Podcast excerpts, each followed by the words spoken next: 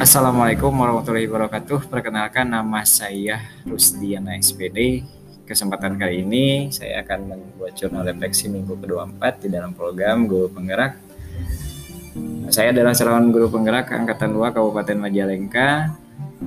Uh, metode yang saya gunakan adalah model 4F yaitu Pet, Feeling, Finding, and Feature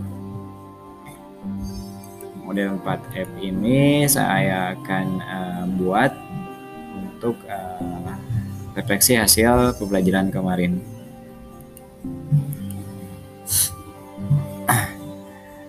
F yang pertama itu adalah fakta. Pada kegiatan ruang kolaborasi secara berkelompok, saya dan rekan CGP lainnya membuat program yang berdampak pada murid.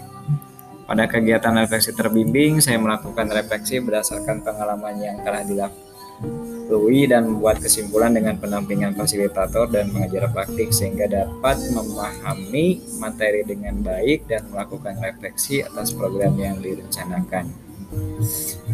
F yang kedua adalah feeling atau perasaan.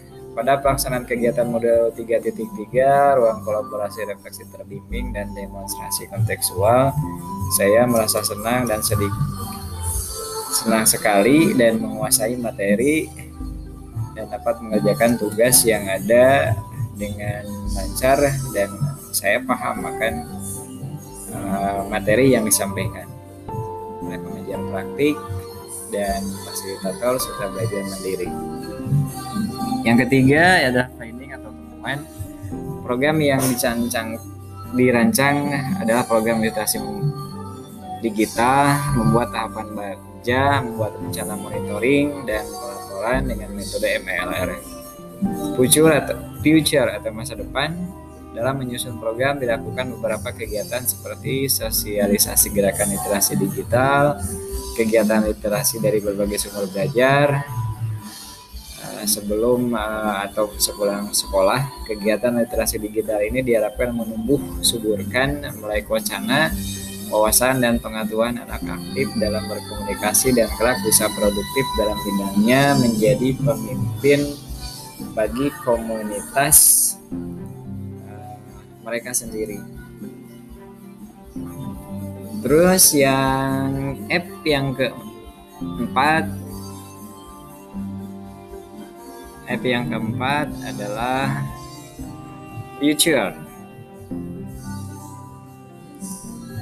F yang keempat adalah future dan uh, itu adalah uh, refleksi kali saya kali ini. Salam dan bahagia. Terima kasih atas kekurangan dan kelebihannya. Mohon maaf atas kekurangan yang saya lakukan atau kelihapan dalam uh, podcast ini. Terima kasih. Akhirul kalam. Wabillahi taufiq hidayah. Assalamualaikum warahmatullahi wabarakatuh